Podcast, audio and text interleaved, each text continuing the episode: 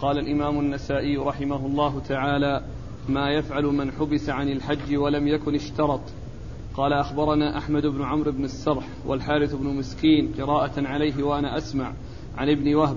قال أخبرني يونس عن ابن شهاب عن سالم أنه قال كان ابن عمر رضي الله عنهما ينكر الاشتراط في الحج فيقول أليس حسبكم سنة رسول الله صلى الله عليه وآله وسلم إن حبس أحدكم عن الحج طاف بالبيت وبالصفا والمروة ثم حل من كل شيء حتى يحج عاما قابلا ويهدي ويصوم إن لم يجد هديا. بسم الله الرحمن الرحيم. الحمد لله رب العالمين وصلى الله وسلم وبارك على عبده ورسوله نبينا محمد وعلى آله وأصحابه أجمعين. أما بعد يقول النسائي رحمه الله ما يفعل من حبس عن الحج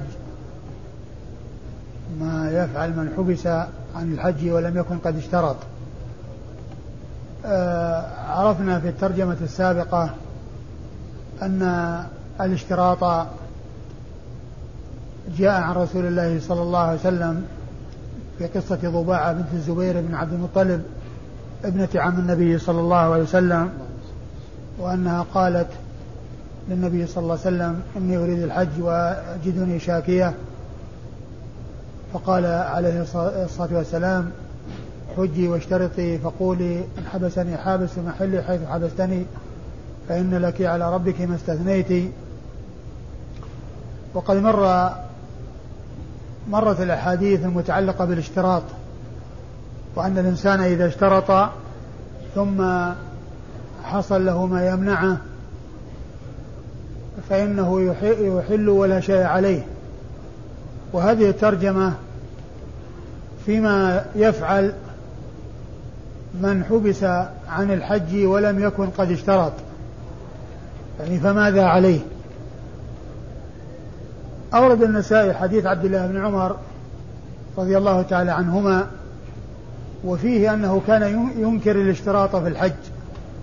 كان ينكر الاشتراط في الحج ويقول ليس حسبكم سنة نبيكم صلى الله عليه وسلم فإنه لم يشترط فإذا منع أو لم يتمكن من الحج فإنه يطوف بالبيت وبالصفا والمروة ثم يحلل ويذبح هديا أو عشر أو يصوم عشرة أيام إن لم يجد ويحج من العام القابل. وما جاء في أول الحديث من قوله إنه كان ينكر ينكر الاشتراط آه قيل إنه لعله لم يبلغه حديث قصة ضباعة بنت الزبير ابن عبد المطلب. وقد قال الحافظ بن حجر في فتح الباري نقلا عن البيهقي لو بلغ حديث ضباعة بنت الزبير عبد الله بن عمر لقال به. لو بلغه لقال به. ومعنى هذا أنه أنكره لأنه لم يبلغه. وعلى القول بأنه بلغه فلعله اعتبره خاصا بضباعة. لعله اعتبره خاصا بضباعة. ومن المعلوم أن الخصوصية لا تثبت إلا بدليل والأصل هو عدم الاختصاص. لا بالنبي صلى الله عليه وسلم ولا بغيره. فالخصائص للنبي صلى الله عليه وسلم لا تثبت إلا بدليل والأصل هو عدم الاختصاص حتى يأتي الدليل على الاختصاص وكذلك الأصل عدم الاختصاص في غيره ممن يخاطب بحكم من الأحكام حتى يأتي دليل يدل على الاختصاص مثل ما جاء في قضية خزيمة الذي شهادته شهادته تعدل يعني شهادة, شهادة رجلين لأنه جاء ما يدل على الاختصاص. وكذلك قصة الرجل الذي ضحى قبل الصلاة وقال إن إن عنده عناق وقال إنها تجزي عنك ولن تجزي عن أحد بعدك. فالأصل هو عدم الاختصاص إلا إذا جاء شيء يدل على الاختصاص. وعلى هذا فحديث ضباعة بنت الزبير لا يكون خاصا بها. لأن الأصل هو عدم الاختصاص. لكن هل يكون الحكم لها ولغيرها مطلقا؟ أو يكون الحكم, الحكم لمن هو على مثل حالتها؟ على خلاف بين أهل العلم. منهم من قال إن للإنسان أن يشترط مطلقا ومنهم من قال إنه لا يشترط إلا إذا خاف شيئا فإنه يشترط. وإذا ما جاء عن عبد الله بن عمر من إنكار الاشتراط محمول على أنه لم يبلغه حديث قصة ضباعة بنت الزبير أو أنه بلغه ولكنه اعتبره من خصائص أو اعتبره خاصا بضباعة وكما عرفنا الأصل هو عدم الاختصاص. وقوله رضي الله عنه ليس حسبكم سنة نبيكم صلى الله عليه وسلم؟ أنه لم يشترط. الرسول صلى الله عليه وسلم ما اشترط. ولا جاء عنه الاشتراط من فعله صلى الله عليه وسلم. والذي حصل منه عليه الصلاة والسلام أنه لما أحرم بالعمرة عام الحديبية في السنة السادسة ووصل الحديبية وصده المشركون وعقد الاتفاق معهم على أنه يرجع هذه السنة ويعتمر من العام القابل ونحر الهدي الذي كان معه في المكان الذي حصل الإحصار فيه والمنع فيه هذا هو الذي جاء عن النبي صلى الله عليه وسلم فيما يتعلق بالعمرة.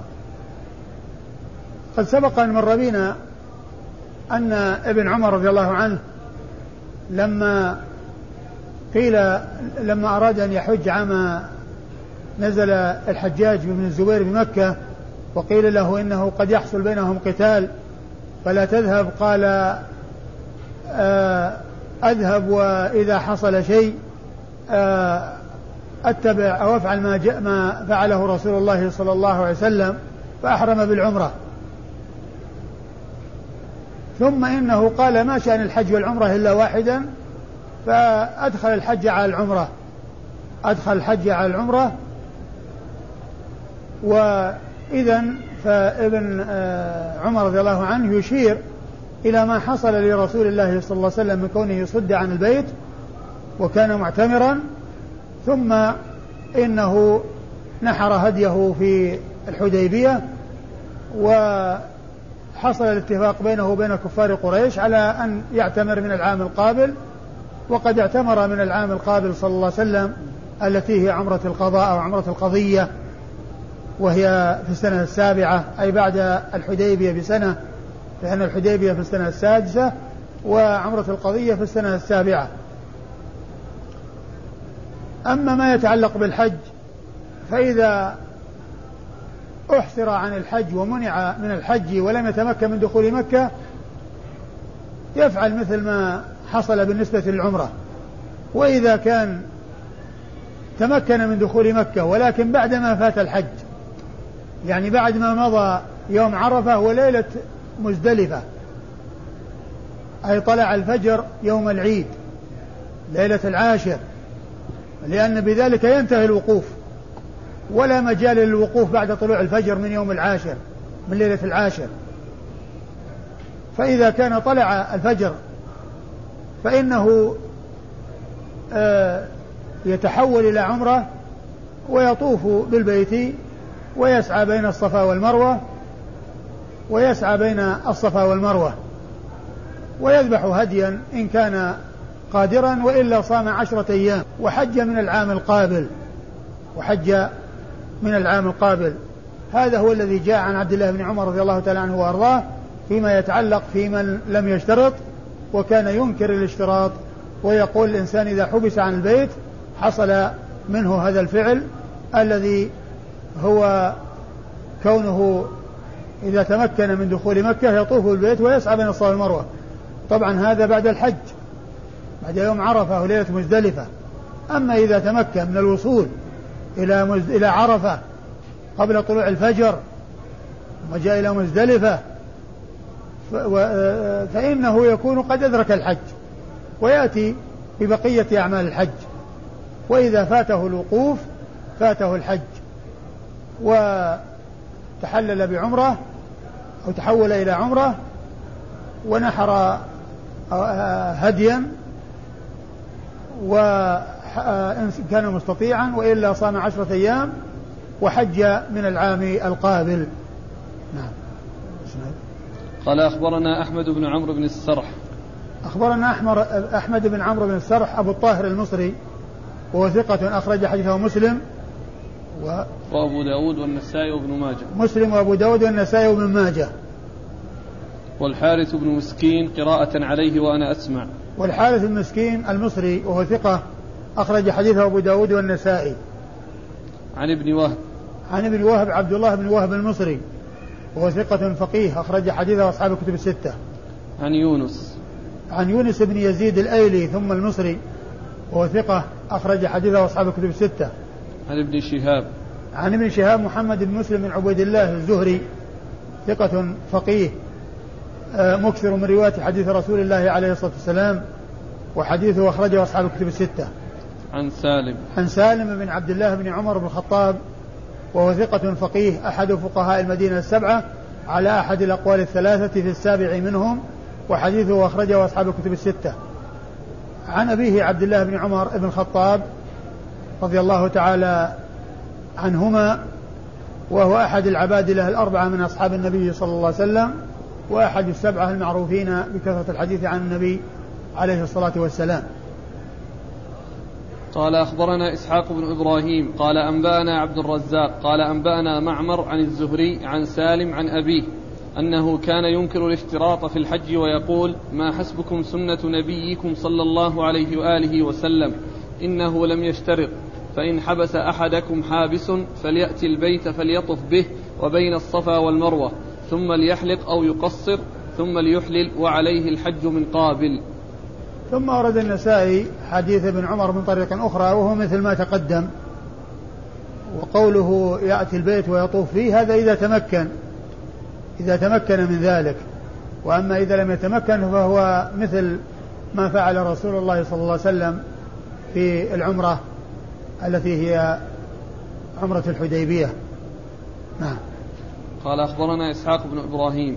إسحاق بن إبراهيم بن مخلد بن راهوية الحنظلي المروزي ثقة ثبت وصف بأنه أمير المؤمنين في الحديث وحديثه أخرجه أصحاب الكتب الستة إلا ابن ماجه. عن عبد الرزاق. عن عبد الرزاق بن همام الصنعاني اليماني ثقة مصنف أخرج حديثه أصحاب الكتب الستة. عن معمر. عن معمر بن راشد الأزدي البصري ثم اليماني هو ثقة أخرج حديثه أصحاب الكتب الستة. عن الزهري عن سالم عن أبيه. عن الزهري عن سالم عن أبيه وقد مر ذكرهم في الإسناد الذي قبل هذا.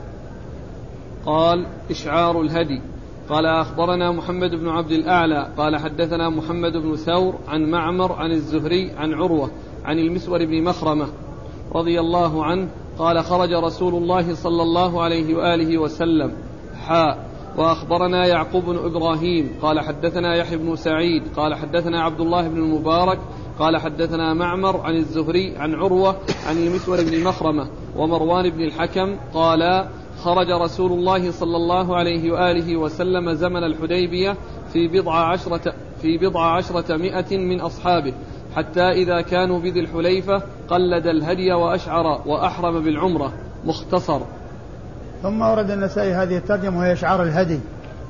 والمراد بإشعار الهدي هو أن يشق في سنامه أو جانب سنام جانب سنامه الأيمن بحربة أو بسكين حتى يخرج الدم ويسيل فيكون بذلك علامة على أنه هدي.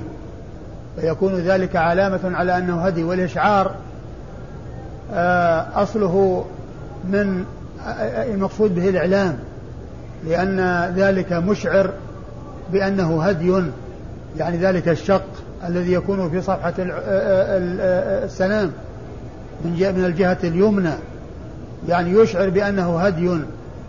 فإذا ظل عرف بأنه هدي يعني آه، يساق إلى الحرم أو إذا عرف صاحبه يذهب به إليه وإذا اختلط بغيره تميز وإذا اختلط بغيره تميز بأنه هدي ويكون ذلك علامة وأيضا حتى يتبعه الفقراء والمساكين إذا رأوه يعرفون أنه هدي. فالإشعار يعني هذه من حكمه. وهو سنة ثابتة عن رسول الله صلى الله عليه وسلم. وقال به جماهير أهل العلم. وجاء عن أبي حنيفة كراهية ذلك. ونقل عنه أنه قال مثله. وهذا ليس بصحيح لأنه ثابت عن رسول الله صلى الله عليه وسلم. وما دام ثبتت السنة عن الرسول صلى الله عليه وسلم فالأخذ بها ولا يعتبر مثله. لأن هذا من قبيل الكي ومن قبيل الوسم ومن قبيل الختان ومن قبيل الفصد ومن قبيل الحجامة ومن هذه الأمور التي يحصل استعمالها فهو من هذا القبيل. وقد ثبتت السنة به عن رسول الله صلى الله عليه وسلم فهو الحق. لأن ذلك ثابت عن رسول الله صلى الله عليه وسلم ولا يقال فيه شيء وراء ذلك. ومن حكمه ما أشرت إليه. ولا يقال إنه مثله لأنه من جنس تلك الأشياء التي أشرت إليها التي هي الحجامة والفصد والكي والوسم والختان وما إلى ذلك من الأشياء التي آه، جاءت بها السنة ولا ولا ولا توصف بأنها مثلة. بل فيها منفعة وفيها فائدة وإنما شرعت لحكمة ولفائدة ومصلحة. هذا هو الإشعار. وأصله يعني من من هذه المادة لأن فيه إشعارا وإعلاما بأنه هدي لأنه هدي بهذه العلامة. والسنة أن يكون في الجانب الأيمن. وقد جاء في حق ذلك جاء ذلك في الإبل. وقد ذهب العلماء الذين قالوا بإشعار الهدي بالنسبة للإبل بإشعاره بالنسبة للبقر. إلا سعيد بن جبير كما ذكر ذلك الحافظ بن حجر في فتح الباري. أما الغنم فإنها لا تشعر لضعفها ولأن غزلها يغطي مكان الإشعار فما يكون هناك فائدة لأنه لوفرة الغزل ولكثرته فإنه يغطي ذلك الشق الذي يكون فيها فقيل لضعفها وقيل لوفرة غزلها وفرة شعرها وصوفها فلا يحصل المقصود يعني منها أي من إشعارها. ولكن علامتها أنها تقلد كما جاءت بذلك الأحاديث. والتقليد يكون للإبل والبقر وللغنم. لكن الغنم تقلد ولا تشعر لأنه جاء تقليدها وما جاء إشعارها.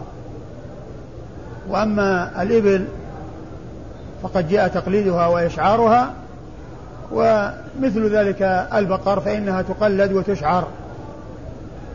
وقد أورد النسائي حديث أسامة حديث المسور بن مخرمة ومروان بن الحكم في قصة خروج النبي صلى الله عليه وسلم إلى إلى الحديبية.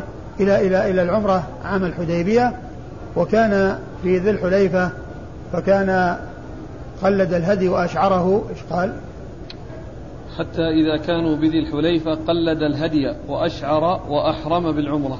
قلد الهدي وأشعره وأحرم بالعمرة. قلد يعني وضع قلادة في رقبته. وضع قلادة في رقبته وأشعره أي شق في آه، سنام في سنام الإبل البدن من الجهة اليمنى. ذلك الشق الذي يكون علامة على أنه هدي. نعم والحديث مختصر. قد ورد حديث طويل ولكنه ذكره هنا مختصرا. نعم. قال أخبرنا محمد بن عبد الأعلى. محمد بن عبد الأعلى الصنعاني وهو ثقة أخرج حديثه مسلم وأبو داود في القدر والترمذي والنسائي وابن ماجه. عن محمد بن ثور. عن محمد بن ثور وهو ثقة أخرج حديثه. أبو داود والنسائي. أخرج حديثه أبو داود والنسائي. عن معمر عن الزهري عن عروة. عن معمر عن الزهري وقد مر ذكرهما عن عروة ابن الزبير ابن العوام وهو ثقة فقيه أحد فقهاء المدينة السبعة في عصر التابعين. أخرج حديثه أصحاب الكتب الستة. عن المسور بن مخرمة. عن المسور بن مخرمة هو صحابي ابن صحابي. وحديثه أخرجه أصحاب الكتب الستة ومروان بن الحكم وهو الخليفة أحد خلفاء بني أمية وكان أميرا على المدينة من قبل أن يتولى الخلافة وحديثه أخرجه البخاري وأصحاب السنن الأربعة. المسور يقول خرج رسول الله صلى الله عليه وآله وسلم حاء وأخبرنا يعقوب بن إبراهيم. ثم ذكر ثم ثم ذكر إسنادا آخر بعد التحويل والحاء الدالة على التحويل. حاء تدل على التحويل وهي التحول من إسناد إلى إسناد لأنه ذكر أول الإسناد إلى مروان و لا الأول ما في مروان. الأول إيه نعم الأول عن مسور فقط. مسور فقط نعم. تقرأ؟ الإسناد الأول, الأول إيه؟ قال أخبرنا محمد بن عبد الأعلى قال حدثنا محمد بن ثور عن معمر عن الزهري عن عروة عن المسور بن مخرمة رضي الله عنهما أنه قال خرج رسول الله صلى الله عليه وآله وسلم. حاء نعم, نعم ذكر ذكر الإسناد الأول إلى المسور بن مخرمة وحده وذكر أول الإسناد ثم ذكر أول المتن ثم ذكر التحول من إسناد إلى إسناد الذي فيه بالإضافة إلى المسور. مروان بن الحكم. أيوه لا. ها وأخبرنا يعقوب بن إبراهيم. يعقوب بن إبراهيم الدورقي وهو ثقة أخرج حديثه أصحاب الكتب الستة بل هو شيخ لأصحاب الكتب الستة روى عنه مباشرة وبدون واسطة ومن صغار شيوخ البخاري. توفي قبل وفاة البخاري بأربع سنوات أي سنة 52 و200 وقد مات في تلك السنة آآ آآ شيخان أيضا لأصحاب الكتب الستة. وهما محمد المثنى الملقب الزمن ومحمد بن بشار الملقب بالدار فإن هؤلاء الثلاثة يعقوب بن إبراهيم الدورقي ومحمد بن بشار ومحمد المثنى من صغار شيوخ البخاري وهم من شيوخ أصحاب الكتب الستة والثلاثة ماتوا في سنة واحدة وهي سنة 52 و200 أي قبل وفاة البخاري بأربع سنوات. عن يحيى بن سعيد. عن يحيى بن سعيد القطان البصري وهو ثقة أخرج حديثه أصحاب الكتب الستة. عن عبد الله بن المبارك. عن عبد الله بن المبارك المروزي وهو ثقة أخرج حديثه أصحاب الكتب الستة.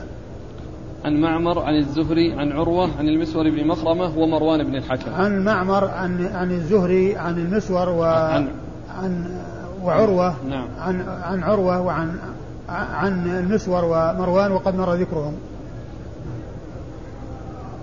قال أخبرنا عمرو بن علي قال أخبرنا وكيع قال حدثني أفلح بن حميد عن القاسم عن عائشة رضي الله عنها أن رسول الله صلى الله عليه وآله وسلم أشعر بدنه. ثم ورد حديث عائشة أن النبي صلى الله عليه وسلم أشعر بدنه. وقد عرفنا الإشعار والإسناد. قال أخبرنا عمرو بن علي. أخبرنا عمرو بن علي الفلاس وهو ثقة أخرج حديثه أصحاب الكتب الستة بل هو شيخ لأصحاب الكتب الستة. عن وكيع. عن وكيع بن الجراح الرؤاسي الكوفي وهو ثقة مصنف وحديثه أخرجه أصحاب الكتب الستة. عن أفلح بن حميد. عن أفلح بن حميد وهو ثقة أخرج نعم. أصحاب الكتب. إلا الترمذي. أخرج حديث أصحاب الكتب الستة إلا الترمذي. عن القاسم. عن القاسم بن محمد بن أبي بكر الصديق. وهو أحد فقهاء وهو ثقة فقيه أحد فقهاء المدينة السبعة في عصر التابعين وحديثه أخرجه أصحاب الكتب الستة. عن عائشة. عن عائشة أم المؤمنين رضي الله عنها وأرضاها الصديقة بنت الصديق التي حفظ الله تعالى بها الكثير من سنة النبي صلى الله عليه وسلم وهي واحدة من سبعة أشخاص. عرفوا بكثرة الحديث عن النبي صلى الله عليه وسلم من أصحابه الكرام ستة رجال وامرأة واحدة وتلك المرأة هي أم المؤمنين عائشة رضي الله تعالى عنها. بالنسبة للحديث السابق تكون رواية مروان مرسلة؟ نعم رواية مروان مرسلة لكنها هنا مقرونة مع رواية الصحابي ويعني الذي هو المسور بن مخرمة. قال أي الشقين يشعر؟ ومن المعلوم أن أن يعني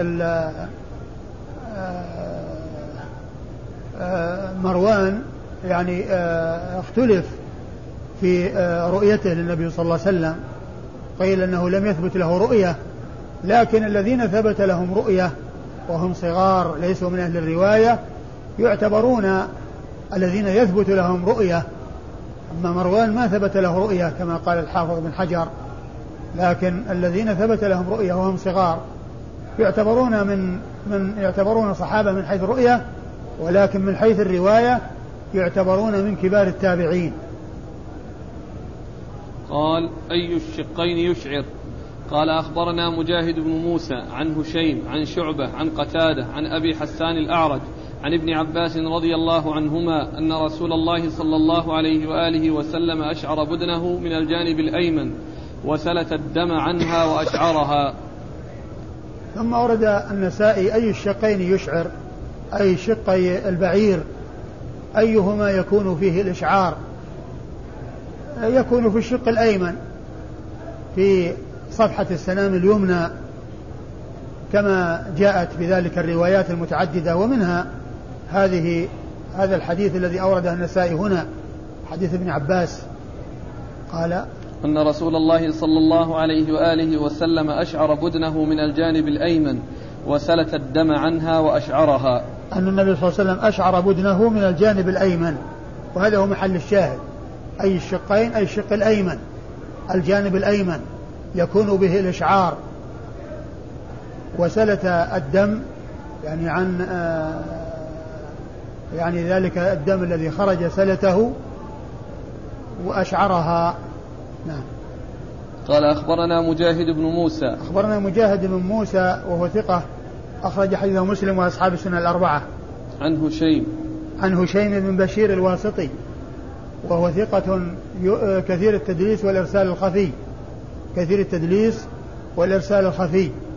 وقد أخرج حديث أصحاب الكتب الستة. والتدليس هو رواية الراوي عن شيخه ما لم يسمعه منه بلفظ موهم السماع كعن أو قال. فهو يروي عن شيخه لكن بالعنعنة وبلفظ يوهم السماع. كعن أو قال أما إذا عاصره ولم يعرف أنه لقيه فهذا هو المرسل الخفي. وقيل له خفي لأنه يلتبس لأنه معاصر له قد لأنه قد من لا يعرف يظن أنه قد سمع ما دام أنه معاصر. لكن إذا لم يكن معاصرا له وكان بينه وبينه مسافة أو كان الأخير ولد بعد وفاة الأول الذي روى عنه فإن هذا يكون مرسلا جليا لأن فيه مسافة بين هذا وهذا إما زمن قريب أو زمن بعيد. إما زمن قريب وإما زمن بعيد. وأقل ذلك أن يكون أن يكون هذا ولد بعد وفاة هذا يعني قريبا من وفاته. نعم. عن شعبة. عن شعبة بن الحجاج الواسطي ثم البصري وهو ثقة ثبت وصف بأنه أمير المؤمنين في الحديث وحديثه أخرجه أصحاب الكتب الستة. عن قتادة. عن قتادة من دعامة السدوسي البصري وهو ثقة أخرج حديثه أصحاب الكتب الستة. عن أبي حسان الأعرج. عن أبي حسان الأعرج وهو مسلم ابن ابن عبد الله وهو ثقة أخرج حديثه البخاري تعليقا ومسلم وأصحاب السنة الأربعة. وهو صدوق. وهو صدوق. نعم. أخرج حديث البخاري تعليقا ومسلم وأصحاب السنة الأربعة. عن ابن عباس. عن ابن عباس عبد الله بن عباس بن عبد المطلب ابن عم النبي صلى الله عليه وسلم وأحد العبادلة الأربعة من أصحابه الكرام وأحد السبعة المعروفين بكثرة الحديث عن النبي صلى الله عليه وسلم. قال باب سلت الدم عن البدن. قال أخبرنا عمرو بن علي قال حدثنا يحيى قال حدثنا شعبة عن قتادة عن أبي حسان الأعرج عن ابن عباس رضي الله عنهما أن النبي صلى الله عليه وآله وسلم لما كان بذي الحليفة أمر, ببدا أمر ببدانته ببدانته فأشعر في سنامها من الشق الأيمن ثم سلت عنها وقلدها نعلين فلما استوت به على البيداء أهل. ثم أورد النسائي آه سلت الدم عن البدن يعني عند إشعاره. والمقصود من ذلك أنه إذا جرح يعني آه، في تلك الصفحة اليمنى من السنام وسال الدم لا يتركه يسيل ويمشي وإنما يسلته يعني بحيث أنه يعني ما يعني آه، ينزل يسير إلى يعني إلى الأرض وأن يكون خط يعني عليه وإنما يسلته. لأن المقصود هو من ذلك بيان هذا الجرح الذي يعرف بأنه آه، هدي. وقد أورد النسائي حديث ابن عباس ابن عباس نعم. من طريق أخرى. إيش قال؟ أن النبي صلى الله عليه وآله وسلم لما كان بذي الحليفة أمر ببدنته فأشعر في سنامها من الشق الأيمن ثم سلت عنها وقلدها نعلين. فلما استوت به على البيداء أهل.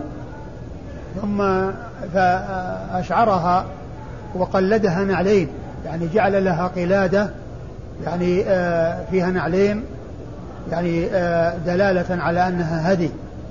ويجوز التقليد بغير النعلين لكن تقليد نعلين يعني يكون علامة على أنه هدي ثبتت به السنة عن رسول الله صلى الله عليه وسلم. وقيل تقليد بالنعلين لأنه يدل على السفر لأن فيهما دلالة على السفر. وقيل لأن النعلين يعني آه لأنها يعني آه هي مركوبة الإنسان فجعلت يعني علامة على الهدي حيث يقلد في نعلين ويجعل في رقبته نعلين يشعر بأنه هدي وعلامة على أنه هدي. وإيش بعده؟ فلما استوت به على البيداء أهل. فلما استوت به على البيداء أهل صلوات الله وسلامه وبركاته عليه. نعم. قال أخبرنا عمرو بن علي عن يحيى عن شعبة عن قتادة عن أبي حسان الأعرج عن ابن عباس. وهذا الإسناد مر ذكره. نعم. قال فتل القلائد. قال أخبرنا قتيبة. قال حدثنا الليث عن ابن شهاب عن عروة وعمرة بنت عبد الرحمن عن عائشة رضي الله عنها أنها قالت كان رسول الله صلى الله عليه وآله وسلم يهدي من المدينة فأفتل قلائد هديه ثم لا يجتنب شيئا مما يجتنبه المحرم. ثم ورد النسائي فتل القلائد. القلائد التي يش... التي يقلد بها الهدي. وتقليد الهدي يكون للبقر وال... للإبل والبقر والغنم كلها تقلد. كلها تقلد ويوضع في رقبتها قلادة. تدل على أنها هدي. وعائشة رضي الله عنها وأرضاها أخبرت بأنها كانت تفتل قلائد هدي الرسول صلى الله عليه وسلم بيدها. كانت تفتلها والفتل هو وضع يعني آه، آه، آه، الخيوط يعني أو قطع أو وصل من من من الصوف. ثم يضم بعضها إلى بعض حتى تكون حبلا. يعني بدل ما تكون بدل ما تكون خيوط تكون حبل. لأنها خيطين. يعني يفتل بعضهما بعض فيصير حبل. وقبل ذلك كان يعني خيطا. فإذا فتل خيط مع خيط أو يعني قطعة من الصوف مع قطعة من الصوف تكون بذلك حبلا. وتكون قلادة يقلد بها.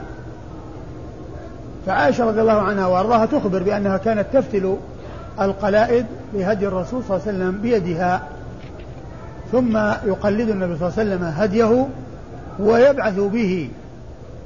يعني كان عليه الصلاة والسلام أحيانا يعني يقلد الهدي ويشعره ويذهب به معه وأحيانا يرسل هديا يقلده ولا يذهب يبقى في المدينة ولكنه يرسل الهدي يرسل الهدي إلى الكعبة وإلى مكة ليذبح هناك وينحر هناك. ثم تقول عائشة ثم لا يحرم عليه شيء كان ثم ثم لا يجتنب شيئا مما يجتنبه المحرم. ثم لا يجتنب شيئا مما يجتنبه المحرم. يعني معناه أنه عندما قلد الهدي ولم يدخل في نسك ولم يذهب فإنه يبقى في المدينة حلالا ولا يجتنب شيئا مما يجتنبه المحرم. لأنه قلد هديا وأرسله فإرساله الهدي لا يمنعه ولا يجعله محرما. لا يجعل آه، الذي أهدى وأرسل الهدي محرما بل كان يبقى في المدينة يفعل ما يفعله وهو لم يرسل هدي. يجامع أهله ويلبس الثياب ويأخذ شعره وكل شيء يمتنع منه المحرم هو لا يمتنع منه. لأنه بإرساله الهدي لا يكون محرما.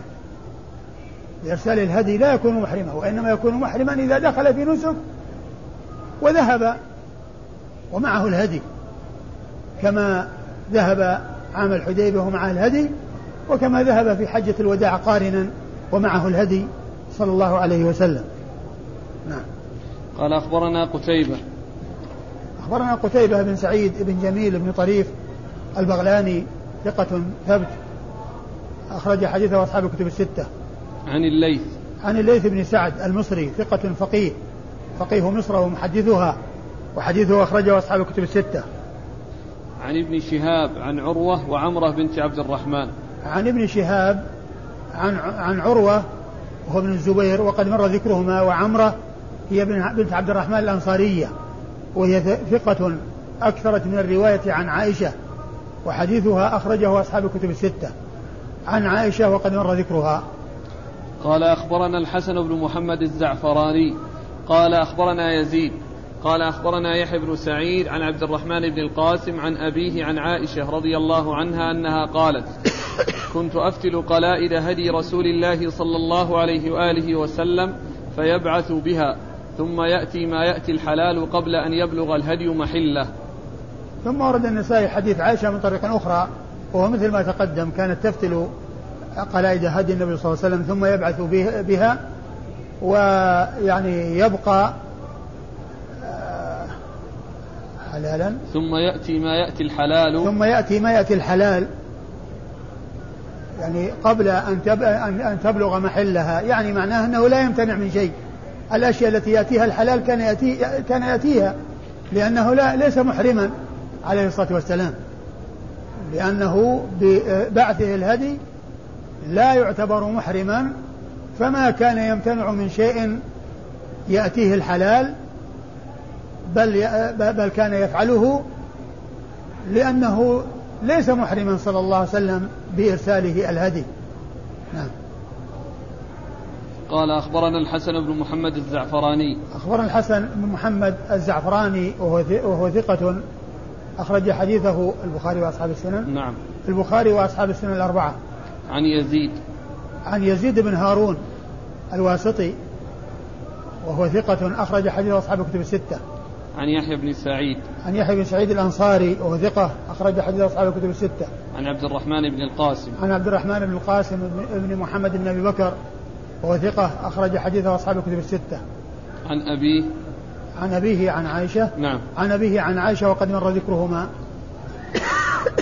قال أخبرنا عمرو بن علي قال حدثنا يحيى قال حدثنا إسماعيل قال حدثنا عامر عن مسروق عن عائشة رضي الله عنها أنها قالت إن كنت لأفتل قلائد هدي رسول الله صلى الله عليه وآله وسلم ثم يقيم ولا يحرم. ثم أورد النسائي حديث عائشة من طريق أخرى وهو مثل ما تقدم. كانت تفتل قلائد النبي صلى الله عليه وسلم ثم يقيم ولا يحرم. يعني لا يكون محرما عند عند إرساله الهدي وبقائه في المدينة بل يبقى حلالا لا يمتنع شيء من شيء يعني آه، يمتنع من شيء يمتنع منه المحرم. بل يبقى كل شيء يأتيه الحلال يأتيه من مجامعة أهله ولبس الثياب وأخذ الشعر وما إلى ذلك من الأمور التي تكون محظورة عن المحرم ويعني آه، وهو لكونه حلال كان يأتي هذه الأشياء. نعم. قال أخبرنا عمرو بن علي عن يحيى.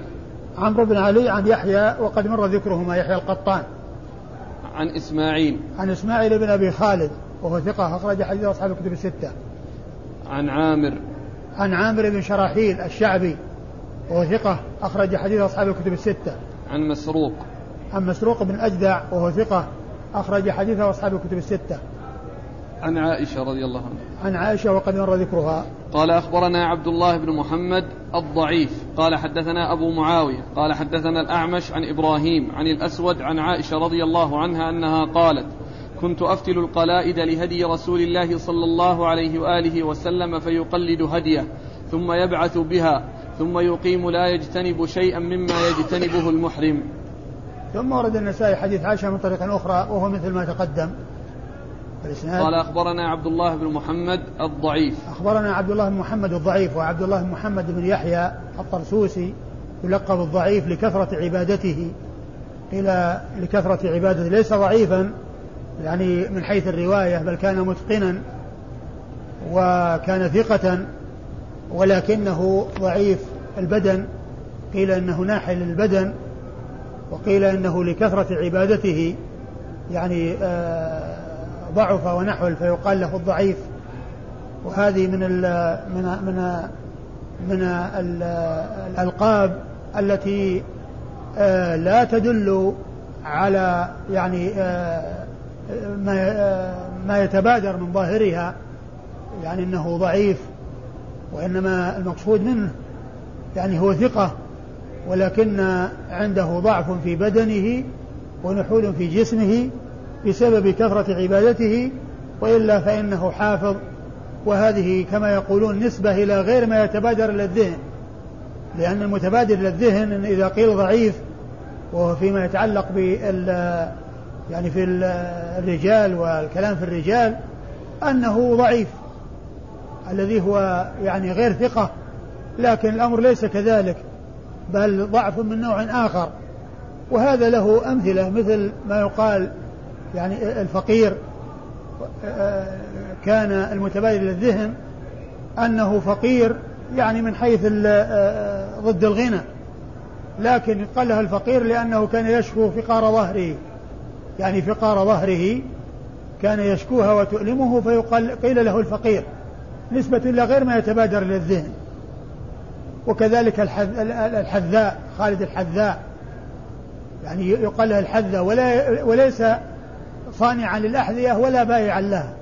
فليس ممن يبيع الأحذية ولا يصنعها ولكنه كان يجلس عند الحذائين. كان يجلس عند الحذائين فقيل له الحذاء. نسبة إلى غير ما يتبادر للذهن.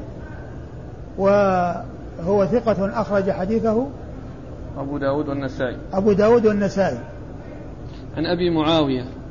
عن أبي معاوية محمد بن خازم الضرير الكوفي ثقة أخرج حديثه أصحاب الكتب الستة. عن الأعمش. عن الأعمش وهو سليمان الذي مر في الإسناد السابق. لا ما مر سيأتي. آه ذاك عامر الذي مر. آه عن الأعمش وهو سليمان بن مهران الكاهلي وهو مشهور بلقبه الأعمش وهو ثقة أخرج حديث أصحاب الكتب الستة. عن إبراهيم. عن إبراهيم بن يزيد بن قيس النخعي الكوفي وهو ثقة فقيه. أخرج حديثه أصحاب الكتب الستة وهو صاحب الكلمة المشهورة التي استعملها الفقهاء كثيرا في كتب الفقه وهي ما لا نفس له سائلة. يقولون ما لا نفس له سائلة لا ينجس الماء إذا إذا مات فيه. ما لا نفس له سائلة أي ما له دم ليس له دم. يعني مثل الذباب ومثل يعني الجراد ومثل الأشياء التي ليس فيها دم هذه يقال لا نفس لها سائلة والنفس يراد به الدم. يعني آه، فكان الذي عرف أنه عبر بهذه العبارة فقال ما لا نفس له سائلة لا ينجس الماء إذا مات فيه. أول من عبر بهذه العبارة إبراهيم النقعي قال ذلك ابن القيم في كتاب الهدي. قال أول من عرف عنه في الإسلام أنه عبر بهذه العبارة فقال ما لا نفس له سائلة؟ إبراهيم النخعي. وعنه تلقاها الفقهاء من بعده. وقد يعني يذكرون ذلك عند حديث غمس الذباب. إذا وقع الذباب في ناي أحدكم فليغمسه فإنها في أحد جناحيه داء وفي الآخر شفاء. قالوا ويلزم قد يكون الماء حارا ويلزم من غمسه أن يموت فيه فهو لا ينجسه. فهو لا ينجسه. وإبراهيم بن يزيد بن قيس النخعي ثقة أخرج حديث أصحاب الكتب الستة. عن الأسود بن يزيد النخعي وهو ثقة أخرج حديث أصحاب الكتب الستة. وهو ثقة مخضرم أخرج حديث أصحاب الكتب الستة. عن عائشة وقد مر ذكرها. قال أخبرنا الحسن بن محمد الزعفراني عن عبيدة عن منصور عن إبراهيم عن الأسود عن عائشة رضي الله عنها أنها قالت لقد رأيتني أفتل قلائد الغنم لهدي رسول الله صلى الله عليه وآله وسلم ثم يمكث حلالا. ثم ورد النسائي حديث عائشة من طريق أخرى وهو مثل ما تقدم إلا أن هذا فيه إشعار بأن القلائد تكون للغنم وأنها كانت تفتل قلائد الغنم ففيه إشارة وإشعار ودلالة على تقليد الغنم. نعم الإسناد قال أخبرنا الحسن بن محمد الزعفراني عن مر ذكره الحسن بن محمد الزعفراني مر ذكره عن عبيدة بن حميد وهو ثقة صدوق ربما أخطأ. وهو صدوق ربما أخطأ أخرج حديثه. البخاري وأصحاب السنن. أخرج حديثه البخاري وأصحاب السنن. هذا مثل الحسن الزعفراني. الزعفراني البخاري وأصحاب السنن وهذا أيضا البخاري وأصحاب السنن. عن منصور. عن منصور بن المعتمر الكوفي وهو ثقة أخرج حديث أصحاب الكتب الستة. عن إبراهيم عن الأسود عن عائشة. عن إبراهيم عن الأسود عن عائشة وقد مر ذكرهم. قال ما يفتل منه منه القلائد. قال أخبرنا الحسن محمد الزعفراني قال حدثني حسين يعني ابن حسن عن ابن عون عن القاسم عن أم المؤمنين رضي الله عنها أنها قالت أنا فتلت تلك القلائد من من عهن كان عندنا ثم أصبح فينا فيأتي ما يأتي الحلال من أهله وما يأتي الرجل من أهله. ثم أورد النسائي حديث عائشة آه، أورد النسائي هذه الترجمة وهي ما يفتل منه القلائد يعني المادة التي تفتل منها ما هي؟ وهي العهن الصوف. يعني كانت تفتل القلائد من العهن من الصوف. أورد النسائي حديث عائشة رضي الله عنها وهو مثل ما تقدم إلا أن فيه ما ترجم له المصنف وهو أن القلائد كانت تفتلها عائشة من عهن أي صوف. أيوه. وأنه يبقى حلالا لا يمتنع مما يمتنع منه المحرم ولا يمتنع من أهله بل كان يجامع أهله ويأتي كل ما ما يأتيه الحلال. هذا رد على ابن عباس. هذا رد على ابن عباس. ابن عباس؟ ما جاء ابن عباس مراد عائشة رد عليه. اجتناب. يعني أن ابن عباس يرى أنه إذا أرسل الهدي يجب عليه أن يجتنب محظورات الإحرام. لا هو سيأتي يعني قضية يعني يعني هل يحرم أو لا يحرم؟ يعني له باب آخر. نعم. قال أخبرنا الحسن بن محمد الزعفراني عن حسين يعني ابن حسن. أخبرنا الحسن بن محمد الزعفراني قد مر ذكره عن حسين يعني ابن حسن عن الحسين يعني ابن الحسن بن يسار وهو ثقة أخرج حديث البخاري ومسلم والنسائي. عن ابن عون. عن ابن عون عبد الله بن عون وهو ثقة أخرج حديث أصحاب الكتب الستة. عن القاسم عن أم المؤمنين. عن القاسم عن أم المؤمنين عائشة وقد مر ذكرهما. قال تقليد الهدي قال أخبرنا محمد بن سلمة قال أخبرنا ابن القاسم قال حدثني مالك عن نافع عن عبد الله بن عمر عن حفصة زوج النبي صلى الله عليه وآله وسلم ورضي الله عنهم أنها قالت يا رسول الله ما شأن الناس قد حلوا بعمرة ولم تحلل أنت من عمرتك؟ قال إني لبت رأسي وقلدت هدي فلا أحل حتى أنحر. ثم ورد النسائي تقليد الهدي وأورد فيه حديث حفصة رضي الله عنها وهو يتعلق بكونه كان مع هديه عليه الصلاة والسلام لأنه كان قلد هديه وذهب به معه ولما أرشد الناس إلى أن يحلوا أي القارنين والمفردين الذين لا هدي معهم أن يتحولوا إلى عمرة وأن يطوفوا البيت ويسعوا بين الصفا والمروة ويقصروا ويتحللوا قالت له ما بال الناس حلوا وأنت لم تحل قال إني قلدت هدي ولبت شعري فلا أحل حتى أنحر أي يوم العيد يعني يوم النحر. والمقصود منه قلدت هدي وقلدت هدي ففيه الدلالة على تقليد الهدي وهذا فيه أنه قلده وهو معه.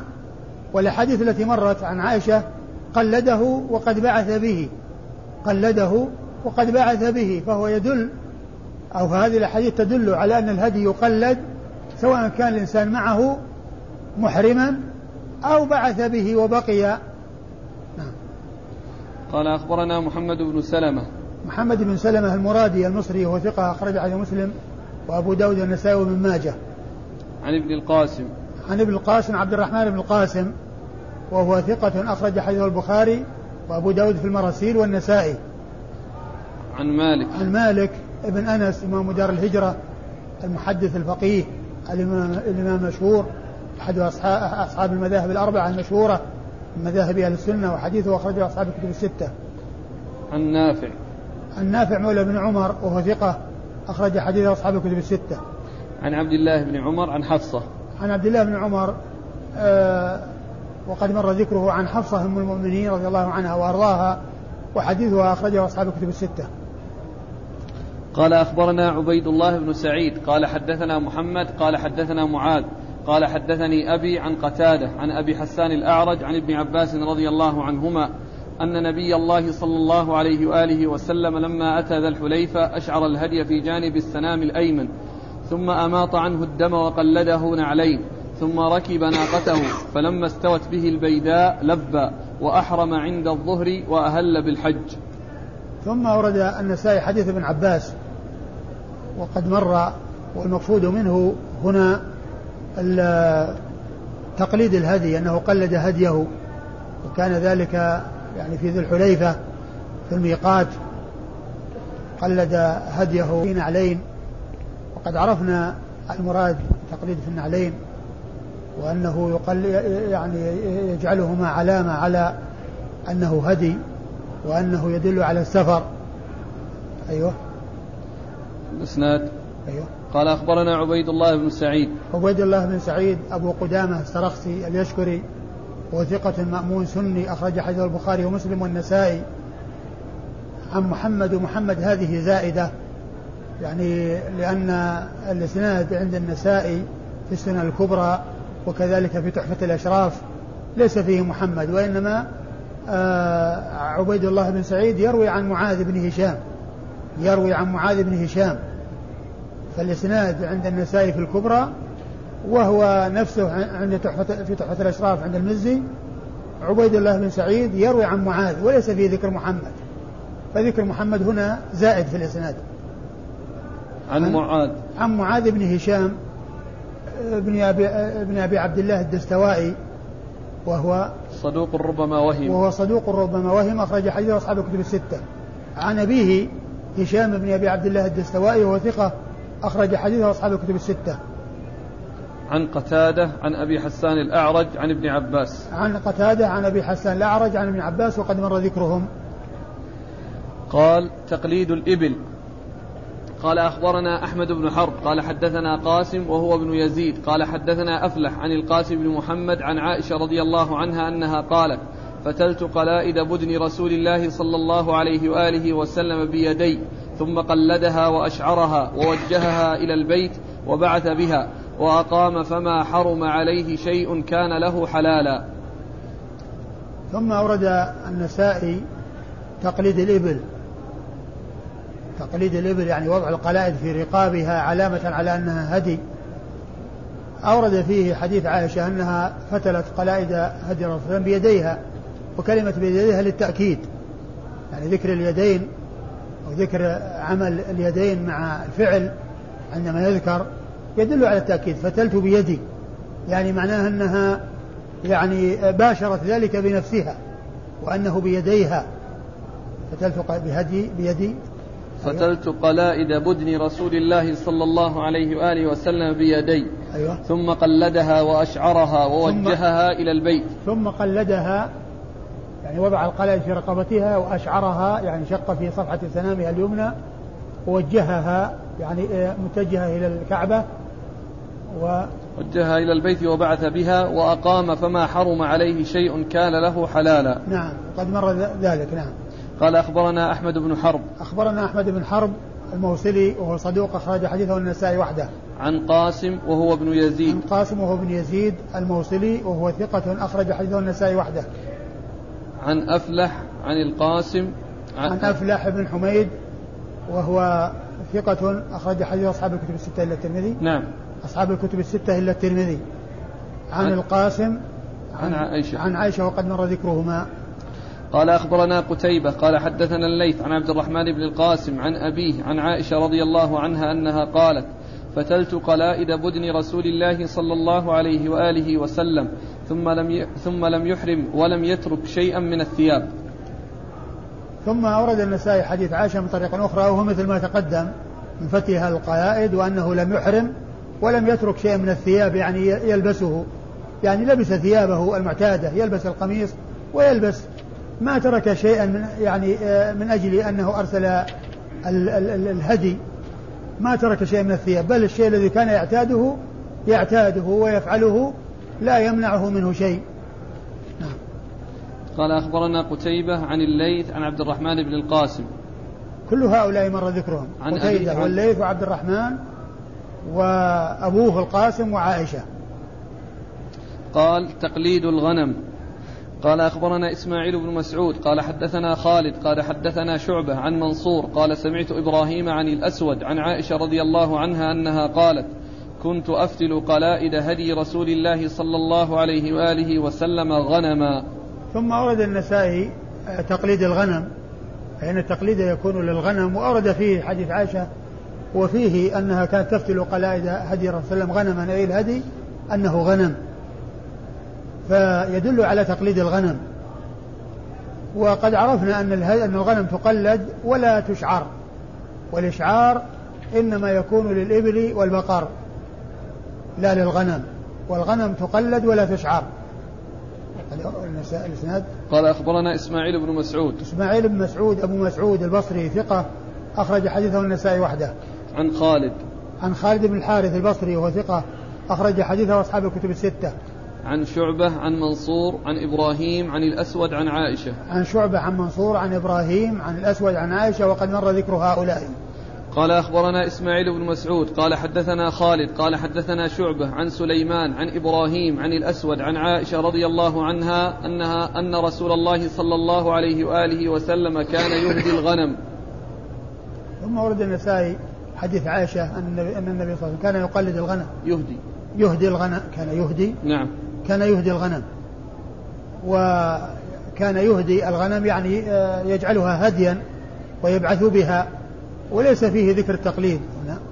ما في ذكر التقليد. لا. ما في ذكر التقليد يعني هو مختصر. لكنه جاء يعني آه، التقليد في بعض الروايات. والإسناد مر ذكره وسليمان هو الأعمش. جاء باسمه هنا ويأتي بلقبه الأعمش في بعض الروايات. ومعرفة ألقاب المحدثين نوع من أنواع علوم الحديث فائدتها ألا يظن الشخص الواحد شخصين بحيث الذي لا يعرف أن الأعمش لقب لسليمان بن مهران إذا جاء سليمان ظن أن سليمان شخص وإذا جاء الأعمش ظن أنه شخص آخر غير سليمان. ومن يعرف أن الأعمش لقب لسليمان إذا جاء سليمان في بعض الروايات المسانيد وجاء الأعمش في بعض الأسانيد يقول هذا هو هذا وهذا هو هذا. لا يلتبس لا يظن الشخص الواحد شخصين. نعم. قال أخبرنا هناد بن السري عن أبي معاوية عن الأعمش عن إبراهيم عن الأسود عن عائشة رضي الله عنها أن رسول الله صلى الله عليه وآله وسلم أهدى مرة غنما وقلدها. ثم ورد النسائي حديث عائشة أن النبي صلى الله عليه وسلم أهدى مرة غنما وقلدها. مقصود منه قوله قلدها تقليد الغنم. والإسناد أخبرنا هناد بن السري أبو السري الكوفي ثقة أخرج حديثه البخاري في خلق أفعال العباد ومسلم وأصحاب السنن الأربعة. عن أبي معاوية عن الأعمش عن إبراهيم عن الأسود عن عائشة. عن أبي معاوية هو محمد بن خازم مر ذكره عن الأعمش هنا جاء باسمه وجاء بلقبه وفي الإسناد الذي قبله باسمه وسليمان هو الأعمش. نعم والإسناد قد مر. قال أخبرنا محمد بن بشار قال قال حدثنا عبد الرحمن قال حدثنا سفيان عن الأعمش عن إبراهيم عن الأسود عن عائشة رضي الله عنها أنها قالت كنت أفتل قلائد هدي رسول الله صلى الله عليه وآله وسلم غنما ثم لا يحرم. ثم أورد النسائي حديث عائشة وهو مثل ما تقدم. نعم. أخبرنا محمد بن بشار. محمد بن بشار الملقب بن دار البصري ثقة أخرج حديث أصحاب الكتب الستة. بل هو شيخ لأصحاب الكتب الستة. عن عبد الرحمن. عن عبد الرحمن بن مهدي البصري ثقة أخرج حديث أصحاب الكتب الستة. عن سفيان. عن سفيان وهو الثوري سفيان بن سعيد بن مسروق الثوري ثقة فقيه. أه وصف بأنه أمير المؤمنين في الحديث وحديثه أخرجه أصحاب الكتب الستة. عن الأعمش عن إبراهيم عن الأسود عن عائشة. عن الأعمش عن إبراهيم عن الأسود عن عائشة وقد مر ذكرهم. قال أخبرنا محمد بن بشار قال حدثنا عبد الرحمن قال حدثنا سفيان عن منصور عن إبراهيم عن الأسود عن عائشة رضي الله عنها أنها قالت كنت أفتل قلائد هدي رسول الله صلى الله عليه وآله وسلم غنما ثم لا يحرم. ثم ورد النسائي حديث عائشة وهو مثل ما تقدم والإسناد أيضا مر ذكره ذكرهم. قال أخبرنا الحسين بن عيسى ثقة قال حدثنا عبد الصمد بن عبد الوارث قال حدثني أبي عن محمد بن جحادة حاء وأخبرنا عبد الوارث بن عبد, بن عبد الصمد بن عبد الوارث قال حدثني أبو معمر قال حدثنا عبد الوارث قال أنبأنا محمد بن جحادة عن الحكم عن إبراهيم عن الأسود عن عائشة رضي الله عنها أنها قالت كنا نقلد الشاة فيرسل بها رسول الله صلى الله عليه وآله وسلم حلالا حلالا لم يحرم من شيء ثم ورد النسائي حديث عائشة أنهم كانوا يقلدون الشاة ثم يبعث بها النبي صلى الله عليه وسلم ويبقى حلالا لا يحرم من شيء أي أنه لا يحرم عليه شيء حرم عليه بالإحرام لأنه لا يعتبر محرما بل يبقى حلالا صلى الله عليه وسلم. والإسناد؟ قال أخبرنا الحسين بن عيسى ثقة. أخبر الحسين بن عيسى ثقة قال عنه الحافظ في التقريب صدوق أخرج حديثه البخاري ومسلم وأبو داود والنسائي. البخاري ومسلم وأبو داود والنسائي. عن عبد الصمد بن عبد الوارث. عن عبد الصمد بن عبد الوارث بن سعيد العنبري وهو صدوق أخرج له أصحاب الكتب. وهو صدوق أخرج له أصحاب الكتب الستة. عن أبيه. عن أبيه عبد الوارث بن سعيد العنبري وهو ثقة أخرج أخرج له أصحاب الكتب الستة. عن محمد بن جحادة. عن محمد بن جحادة وهو ثقة أخرج حديث أصحاب الكتب الستة أيضا. حاء وأخبرنا عبد الوارث بن عبد الصمد بن عبد الوارث. عبد الوارث بن عبد الصمد بن عبد الوارث. وهو صدوق أخرج له مسلم والترمذي والنسائي وابن ماجه. وهو صدوق حديثه مسلم والترمذي والنسائي وابن ماجه.